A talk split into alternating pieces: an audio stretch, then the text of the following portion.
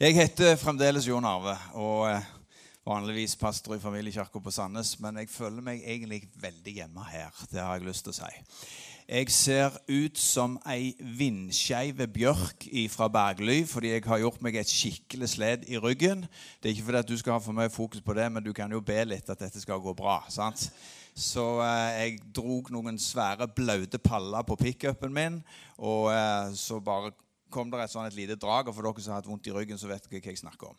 Men Gud er den samme. Jeg, skal, jeg fikk Palmer til å sette fram en stol her i sin godhet og raushet, sånn at jeg har mulighet til å kunne sitte litt. Så Vanligvis pleier du ikke å se meg som en sittende predikant. Det er du helt enig i. Jeg pleier å springe rundt. Men hvis jeg må sette meg litt nedpå, så eh, er det fordi at jeg faktisk ikke er helt i stryken. Men jeg er bedre.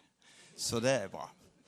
Så da kan du rette ut ei hånd, og så kan du be for predikanten. Det vil si, jeg skal be for predikanten, og så bare er du med i den bønnen. Far, nå bare takker jeg deg for jeg kan få lov å be for denne predikanten i dag, som står her. Herre, jeg bare takker deg for din nåde og ditt favør over han. Og at han skal få lov å bringe akkurat det som du har denne dagen. La ikke fokus være en vond rygg, men la fokus være på deg, Jesus. Herre, la fokus være deg i dag, Herre. Det er det vi ber om. For jeg ber om at du kommer med favør over oss og over meg i Herren Jesu navn. Amen. Jeg føler meg bedre allerede. Det var jo Fantastisk. Du, du skal få opp et par plansjer. Det var sånn at Marita her lovte jeg skulle si bare kort om Det er en eh, som går på Dennis Greenwich. Det er en mannskonferanse som kommer på Jæren. Klarer dere den før vi er i gang med, med mine? Eller blir det mye krøll? Der kommer han. Du, jeg skal, jeg skal, bare slå et slag for den for dere som er menn, eller for dere som er kone. Få mennene av gårde til Jæren. Eh, I Klepp frikirke er det en konferanse som du ser her, som går av stabelen 27. 28. september. Og spesielt har jeg lyst til å si det fordi at jeg tror vi menn trenger å sette hverandre møte. Og jeg tror det er en tid der vi menn spesifikt blir utrusta. Det er for unge menn, eldre menn. Eh, alle er velkomne. Og jeg har lyst til å bare oppmuntre deg til å melde deg på det, for jeg tror det blir en veldig spesiell konferanse. Dennis Greenwich fikk jeg æren av å høre i Kristiansand igjen. Han, han gikk jo regelrett gjennom døden nå tidligere i år. Han døde, og han, han ligger på sykehuset der, og døtrene ber. Han kommer tilbake igjen til livet, han kommer til å fortelle historien. Men det er en sterkt vitnesbyrd om hva Gud har gjort i hans liv. Så han, han kommer ut av døden med et vitnesbyrd om Guds enorme makt. Eh, og har med seg en helt ny salvelse. Det var iallfall det jeg opplevde. Så for dere som er menn, sett av den helga. I tillegg så er det ei flott dame som kommer hos oss og skal være med oss på bedehuset ute på Vold. Og det er den dama som det er bilde av her, som heter Mari Felde. Eh, du har hørt meg dele noen tanker om identitet. Jeg tror at Mari er faktisk en av de som har størst åpenbaring og forståelse av dette med den nye pakt og den nye identiteten i Jesus. Den lørdagen der, hvis du lurer på hvem du er, så kan den være livsforvandlende. Så jeg vet det er litt tett på, men det er jo noen damer òg i salen. Så hvis du har lyst, eh, besøk oss da på bedehuset ute på Voll. Ligger kart og sånn på nettsida vår. Klokka 11 til 14 er det seminar. Lørdag 21. i 9. Da har jeg eh, gjort det jeg skulle gjøre i forhold til de to tingene. Wow. Og så var det en ting. Jeg skal preke i dag. det skal jeg gjøre. Men det var en ting jeg kjente når jeg var på vei inn her, og det har jeg bare lyst til å gi deg. Kanskje det var spesifikt til deg. Eh, det er ikke et vers som kommer opp eh, på, på prosjektet her, men i Filippane 4,6 så, så, så sier Paulus 'Vær ikke bekymra for noe', sier han. Og Det kan være at du har kommet inn i denne salen i dag og kjenner litt på bekymring. Da var det ordet akkurat til deg. Kjente bare jeg skulle si det. Vær ikke bekymra for noe. Det betyr ingenting.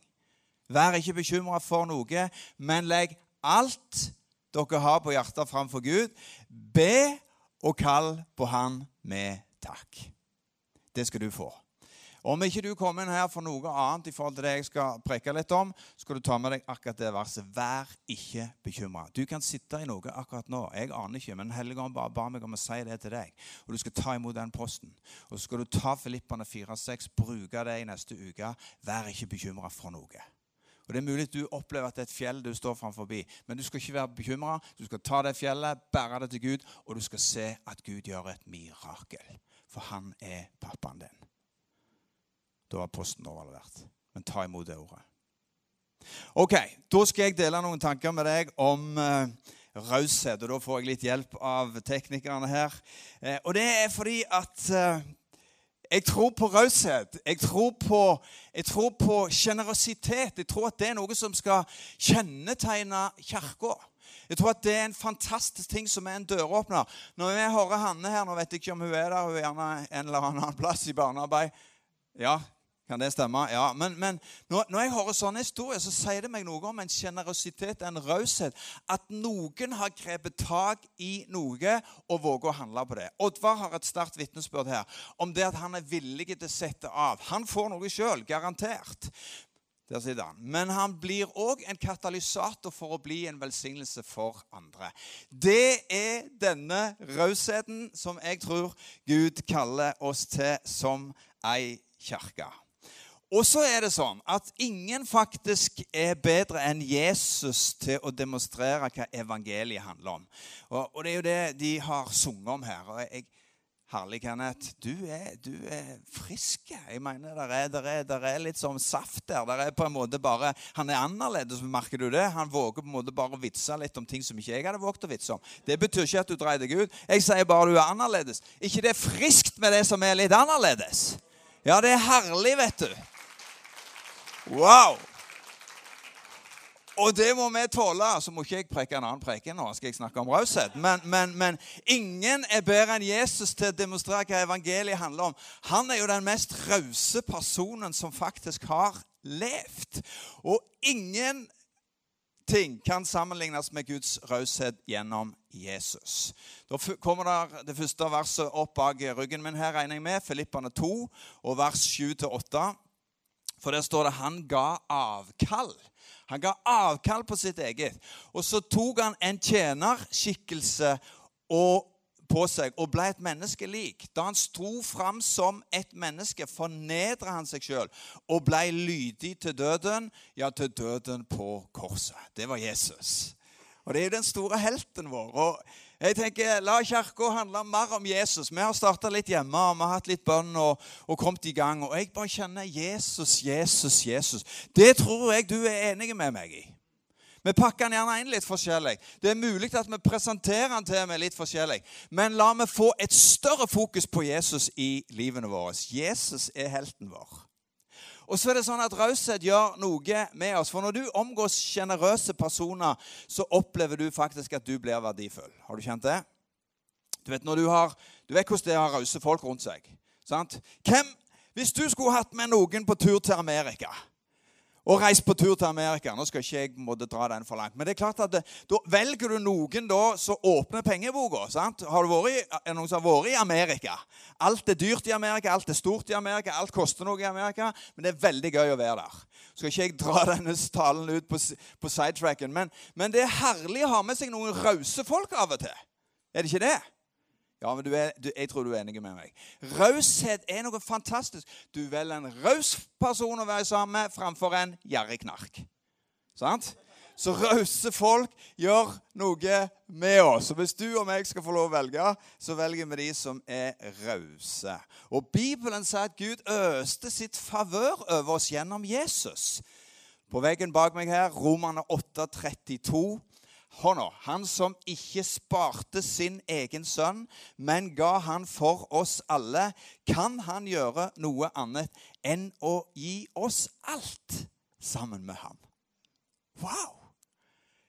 Han som ikke sparte sin egen sønn.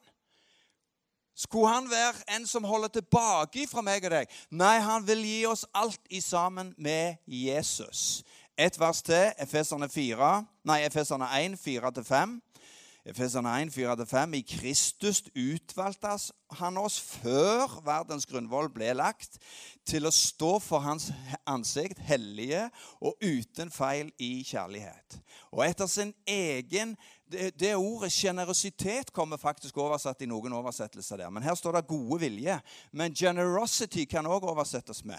I, ut av hans raushet og generøsitet avgjorde han på forhånd at vi skulle ha rett til å være hans barn ved Jesus Kristus.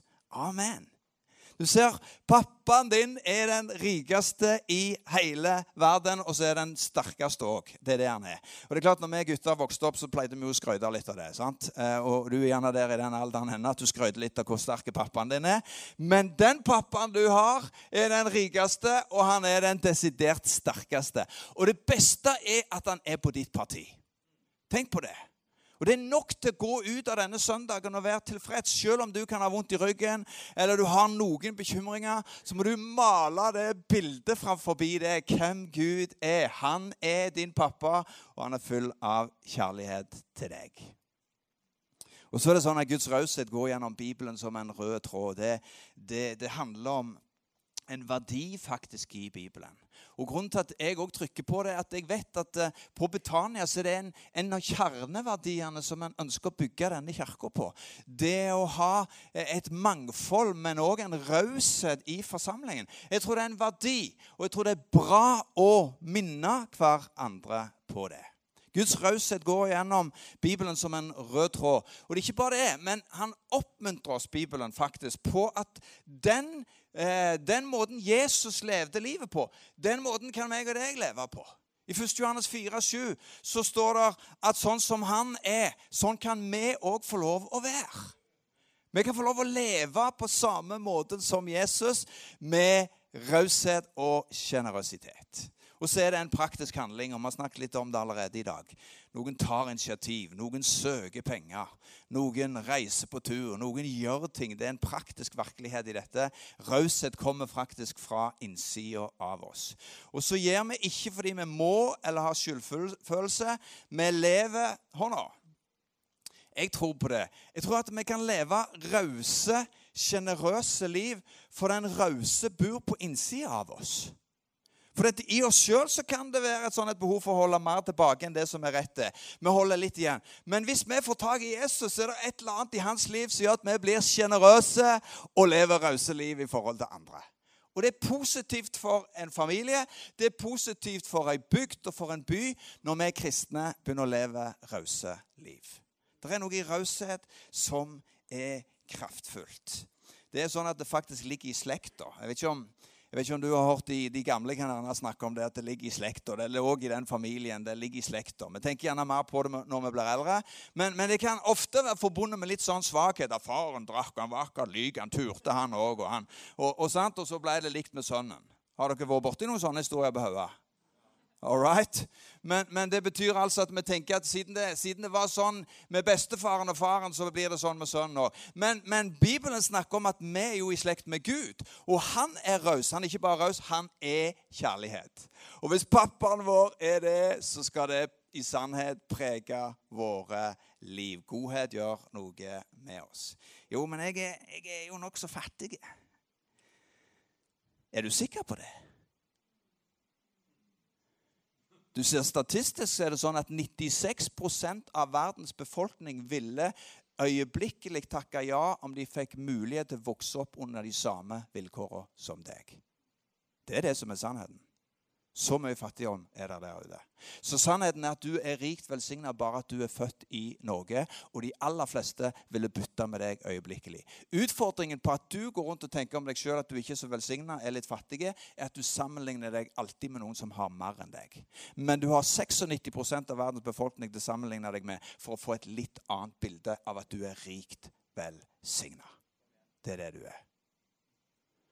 I ordspråkene 11, 25 ordspråkene 11.25 så står det at den som sprer velsignelse, er raus, trives godt. Den som kvikker opp andre, blir oppkvikka sjøl. Guds vilje for oss tror jeg er raushet. Raushet helbreder oss fra egoisme. Raushet helbreder oss faktisk fra egoisme. Og da skal du mens jeg drikker litt, få lov til å gjøre følgende det neste minuttet. Du skal snu deg til sidemannen din og så skal du ta en liten prat om følgende. Hvordan ser raushet ut for deg? Jeg sitter tre og tre sammen, det går helt bra. Men prat litt om det. Hvordan ser raushet ut for dere eller for deg? Finn noen, og så prater dere sammen et minutt. Så skal jeg få stoppet dere.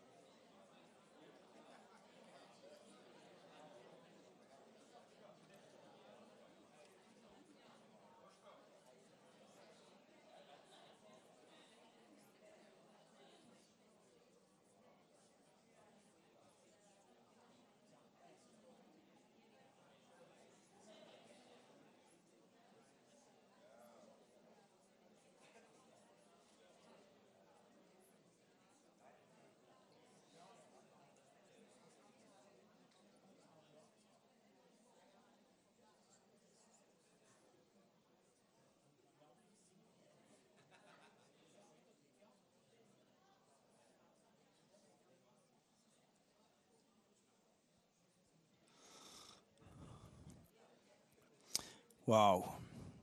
Jeg tror at dere har berørt mange sider av raushet. Jeg er helt sikker på at dere har mange aspekter på hvordan det kan se ut. Men de fleste av oss har en opplevelse av at det er gode folk å være sammen med. Så mitt spørsmål er hva vi ber Gud gjøre meg til den personen vi nettopp beskrev? Hva om jeg skulle bli mer influert av denne måten å leve på? Rause mennesker. Jeg, jeg, tenkte på det når jeg forberedte meg til denne preken. For meg er Palmer en sånn en person. Vet du hva? Ja, men det har jeg lyst til å si. Dere kjenner jo Palmer. sant? Han er raus med smil. Han er raus på inkludering. Han er raus på å forstå andre. Han er raus på gode ord. Takk, Palmer.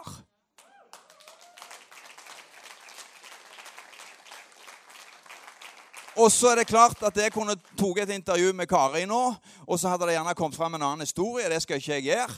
Eh, ikke sikkert det gjør det, men sannheten er at han har også sikkert noen sånn blindspot som du og meg. Men, men, men, sånn som jeg kjenner Palmer, så har han dette over seg. Og jeg tror ikke han går rundt krampaktig til å ta seg i sammen, men det flyter noe fordi han har et indre liv. Vet du hva? Det er noe som gjør kirka. Vet du hva Noen ganger tenker vi om åndelighet som noe som kommer svevende inn dørene. Nei, Kristus bor jo i deg. Så la det få lov å vise i øynene dine når du treffer naboen. Han som bor inni deg, han bor jo i oss. Og noe av det livet tror jeg Den hellige ånd lengter etter skal få lov å manifestere seg. Du ser, Egoisme har en tendens til å bli motsatsen til raushet. Og det er et virus som sprer om seg i vår tid, selv i verdens rikeste nasjon. Ingen gir meg en klem. Hvorfor ser ingen meg? Har du hørt det? Ja, men Kanskje du skulle starte med å gi noen en klem? For sannheten er det at du har et valg. Enten er du et termometer. Du vet det som du putter i rumpa for å finne ut om du har feber. sant? Sånn, det sier noe om temperaturen. Og mange går rundt og bare øyeblikkelig på en måte tar fram temperaturmål og sier ja, men her var det kaldt, ja, men her var det ikke så bra, ja, men her var det ingen som helste på meg. Hels sjøl, din lathans.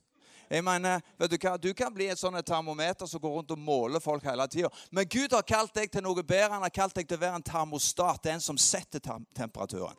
Og meg og deg er kalt til å være sånne termostater som får opp temperaturen. Så der du er, der er det livlig å være. Der begynner det å bli grønt. Der begynner det å vokse. Fordi han som bor i deg, har det livet. Ei sånn kirke kan jeg tenke meg å være en del av. Et smil kan sette temperaturen i et rom. Materialisme kan eie oss. Men du vet, kommer du til Nepal sammen med meg og Gunnbjørg, så skal jeg fortelle deg en ting. Fattigere familie enn det vi noen ganger har vært i nærheten av. Men de plunker ikke et sekund for å slakte den siste kyllingen for å sette fram til de som kommer. For dere som har vært ute og reist, så vet dere hva jeg snakker om. Det er en sjenerøsitet som preger et folk. I Vesten derimot så hersker det på tross av vår velstand en sånn fattigdomsånd. Vi blir så vant til det at vi ikke alltid er klar over det sjøl. Vi holder tilbake framfor å utvise raushet fordi det har blitt en vår måte å tenke på. Men Gud vil at vi skal leve i en bedre pakt enn den som du har med tidsånda. Og det tror jeg vi skal få lov til å se i den tida som kommer. Jeg tror at Guds ord og kirka har det beste framfor seg. I ei tid av sekularisering og ei tid av militant ekstremisme og masse ting, så skal meg og deg få lov å representere en annen stemme. For Gud vil at vi skal leve med en far som er raus. I apostelgjerningene så står det mye om dette. og Jeg har ikke tid til å gå i detalj på det, men i kapittel 2 vil du se for at de kristne tok hånd om alle behov i kirka. De var en forskjell i samfunnet og de økonomiske. Videre i apostelgjerningene 4.33 så står det hånda, at stor nåde var over de alle. Og Det var denne store nåden som hadde forandra hjertet, og som faktisk medførte at de handla annerledes skal jeg komme litt tilbake igjen til nåde, fordi det handler om vår identitet. Jeg har allerede nevnt seminaret til Mari. Jeg tror på nåde mer enn noen gang. Jeg tror det er favør som Gud gir oss for at vi skal kunne leve gode liv. Tidligere hadde jo disse nykristne vært selviske og grådige. Men nå råder rausheten iblant dem. Og de solgte til med sine eiendommer, står der, for å bringe pengene inn i menigheten og for å ta hånd om de fattige. De levde radikalt òg når det kom til penger. Skal jeg våge å si litt om penger? Ja.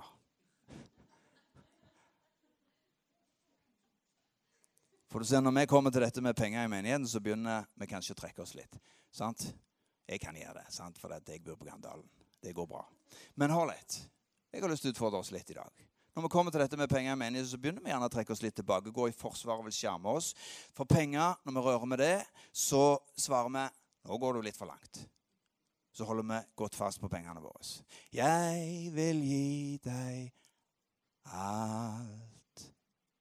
Jeg vil gi deg alt Bare ikke pengene mine! Men hva om Gud sier til oss 'Gi meg tilgang til din bankkonto'? Nå må dere høre, gutter og jenter. Tenk på det hvis dere skal ut nå og bli kommende ledere. Dere garanterer for framtidens menighet. Dere er her, og dere kan kjenne at det er forskjellige ting i kulturen som kanskje kunne vært annerledes. Det er ikke alt dere kjenner dere igjen i. Men jeg har lyst til å utfordre dere på følgende. Hva om dere våger for dere unge av å gi bankkontoen deres til Gud? Bringe inn det i Guds hus som handler om det du tjener og får. Og bare si til Gud da vil jeg ha tilgang til din bankkonto. Det er en superdeal. Hva om Gud sier at jeg vil øse alt over det? Ja, vi har lest det. Nei, men vet du, Dette er åndelige lover. Det er Gud som har blåst inn. Hva om det er sant? Hva om du tar din bankkonto og sier vet du hva, jeg vil leve med, med raushet? Jeg vil så inn i Guds rike med det jeg har fått. Og da har du sagt at når jeg gir deg tilgang til min bankkonto, så vil du i sannhet gi meg tilgang til din bankkonto. Wow! Det er en ny måte å tenke på. Men det er en veldig bra måte å leve på, for han er din far, og han er kjærlighet. Gud har aldri hatt en sånn eplepai-mentalitet. Altså at om du gir bort et stykke, så blir det ett mindre til deg. Han sier at om vi gir til han, så lar han det strømme tilbake til oss. Nå kommer det et vers opp som ble sitert tidligere i dag. Lukas 6, 38. Derfor er det en tråd i denne gudstjenesten. Det er nydelig. Lukas 6, 38. Hør. Gi så skal dere få. Et godt mål, sammenrista, stappa og breddfullt. Det skal dere få i fanget. For i det målet dere selv måler med, skal det også måles opp til dere. Si at dette er en lov. Og det er det. Det er en åndelig lov. Det betyr altså at du og meg skal få lov å våge å trø ut i det ordet som Jesus sjøl sier. Gi, og det skal bli gitt dere. Med det mål vi måler med, så skal vi sjøl bli målt. Tror jeg nok til å våge å handle på det ordet? Wow. I familien. På skolen. På arbeidsplassen. Du ser raushet det å gi. Nå. Raushet er faktisk å gi noe som du helst ville holdt tilbake. Det er det som er raushet. Der står testen vår. Om du derimot våger å gi raust det du sjøl ville beholdt, så beveger du deg over i en ny lov, og den loven fungerer som følger. Jo mer du gir, jo mer strømmer tilbake til deg. Jo flere smil, jo flere smil får du, jo flere klemmer, jo flere oppmuntringer, jo mer penger, dess mer av det samme vil strømme tilbake igjen til deg. Ja, men da gjør jeg jo med en baktanke. Vet ikke om du har tenkt sånn. Så da, jeg, da må jeg iallfall holde tilbake, for det er ikke riktig. Nei, Bibelen bare oppmuntrer oss til å bringe ut med sjenerøsitet det pappaen vår har lagt i oss.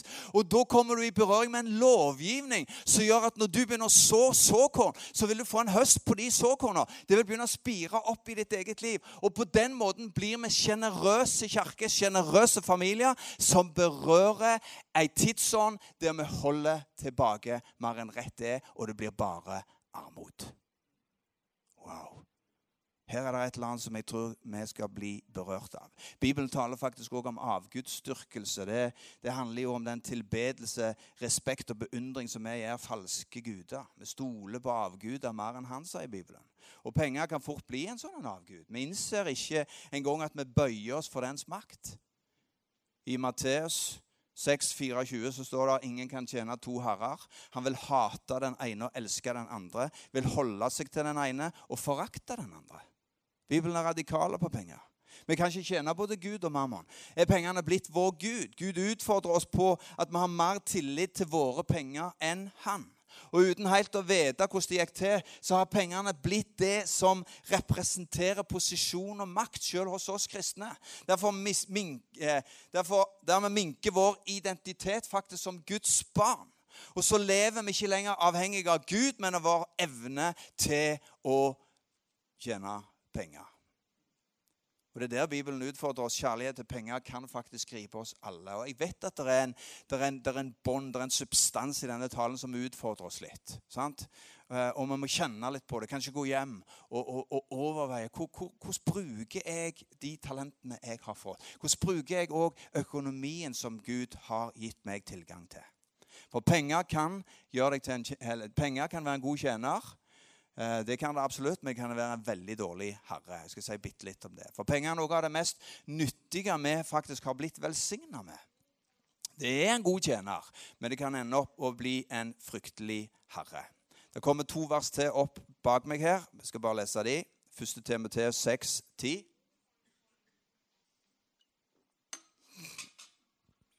Første Tim 6,10.: For kjærlighet til penger er en rot til alt ondt. Drevet av penger Begjær er mange ført vill, er kommet bort fra troen, har påført seg selv mange lidelser.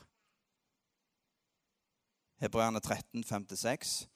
Vær ikke så glad i penger, men vær tilfreds med det du har. For Gud har sagt, 'Jeg slipper deg ikke og svikter deg ikke'. Derfor kan vi tillitsfullt si, 'Herren er min hjelper.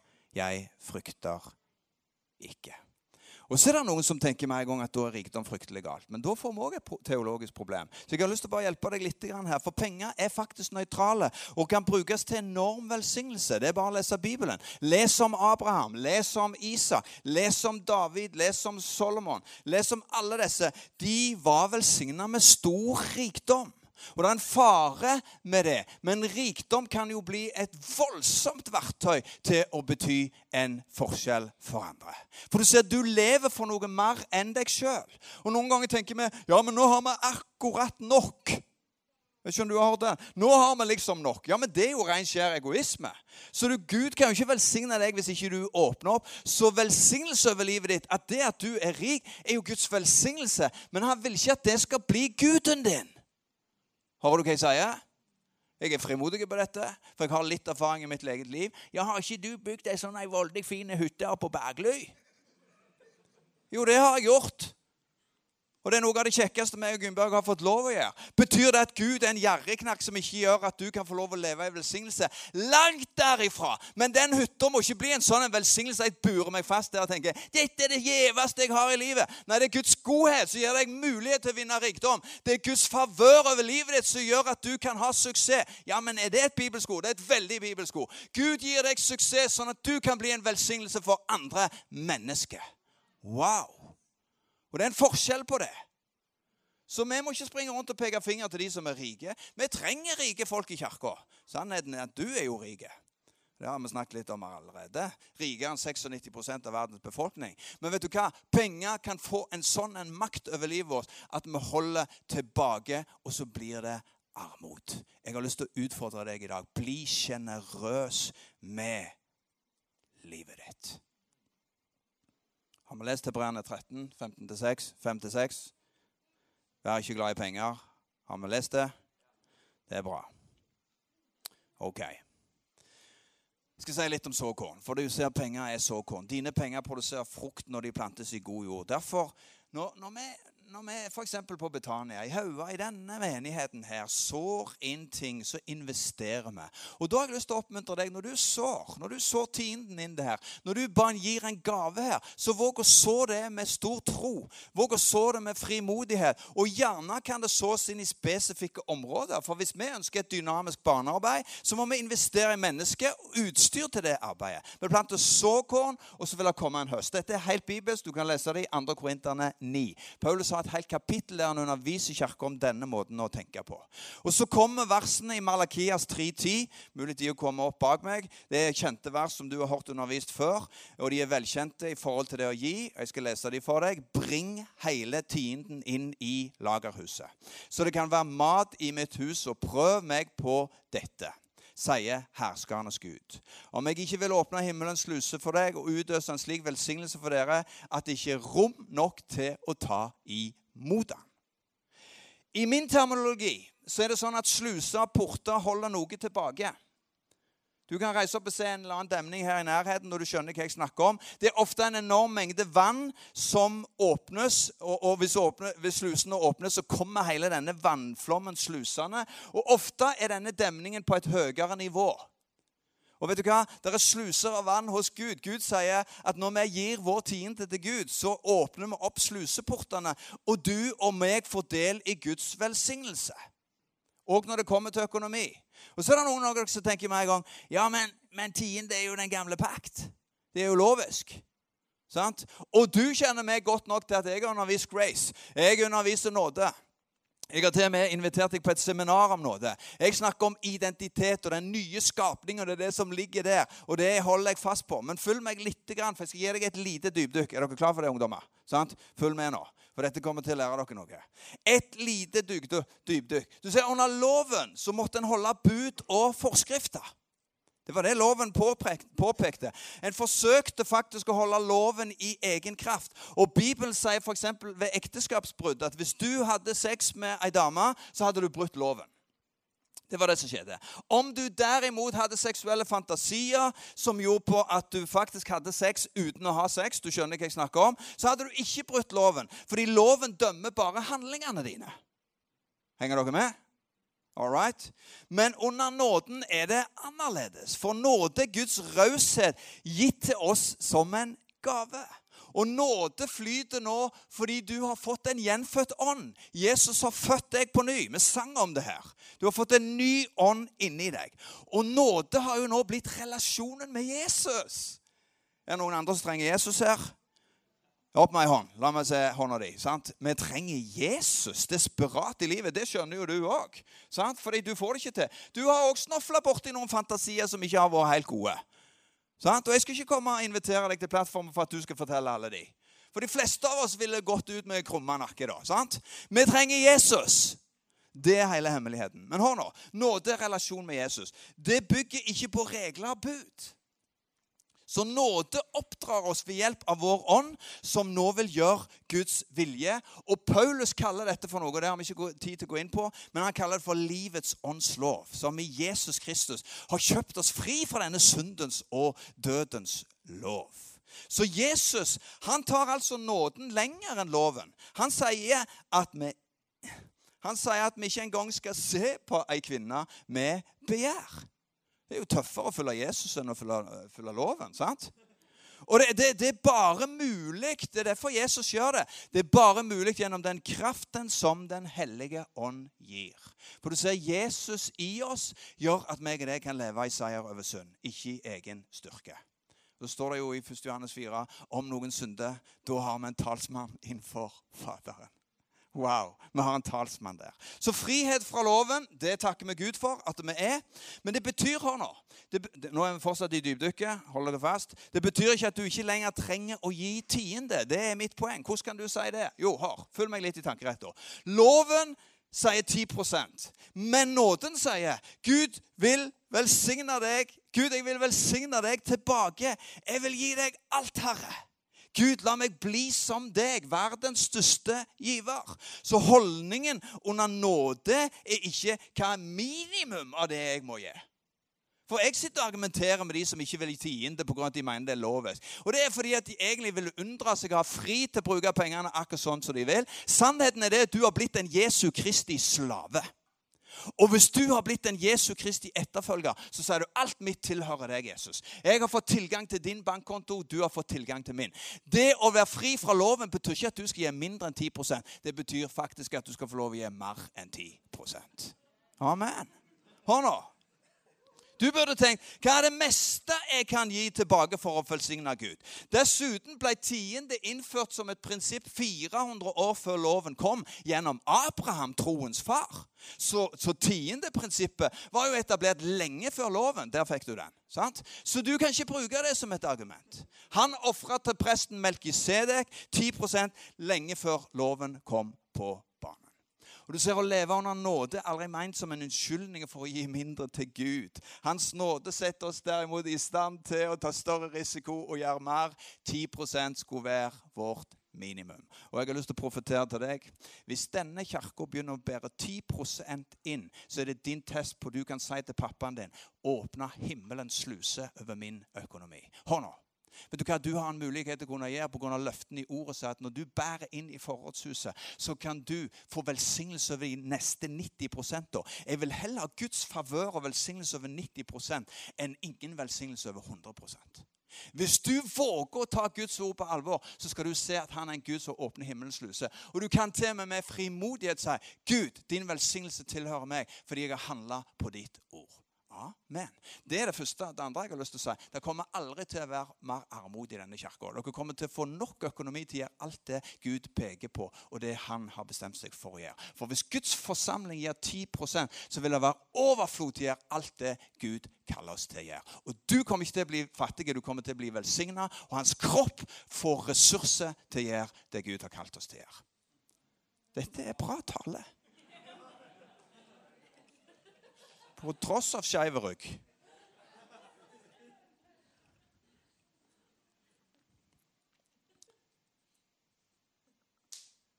Så skal jeg slutte.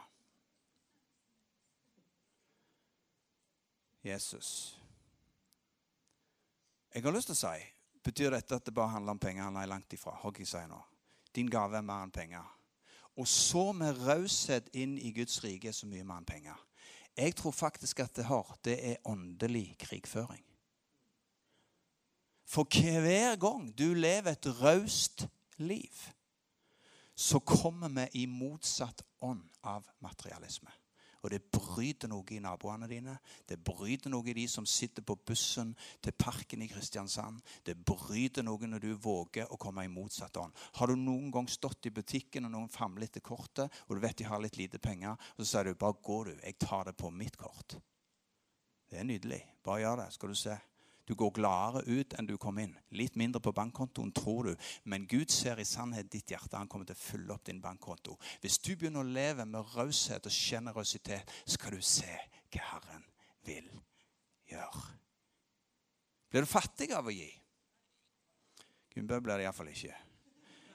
Jeg har til gode og det har jeg lyst til å si, jeg skal avslutte med det, å treffe den personen på dødsleiet, og jeg har sittet på noen dødsleier, som angrer så grusomt på at de ga for mye.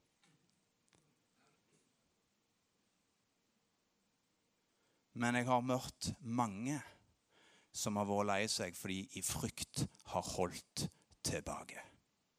Og det er mulig at de har to biler flere i garasjen enn det jeg har. Men de sitter der, har mista relasjon med ungene sine. De har mista det fordi de har holdt tilbake. Og de har blitt på en måte sånn konsumenter av sin egen egoisme og frykt. Og så har de bundet opp livet sitt i en helt annen melodi enn det Gud har på mitt og ditt liv. Og det er raushet, og det er godhet, og det er sjenerøsitet. Og min bønn for denne kirka er at vi skal få lov å bare reise oss i stor sjenerøsitet og bli alt det Gud har kalt oss til å være. Hvis det er ok for deg, så har jeg bare lyst til at du reiser deg. Skal jeg bare be en bønn over livet ditt?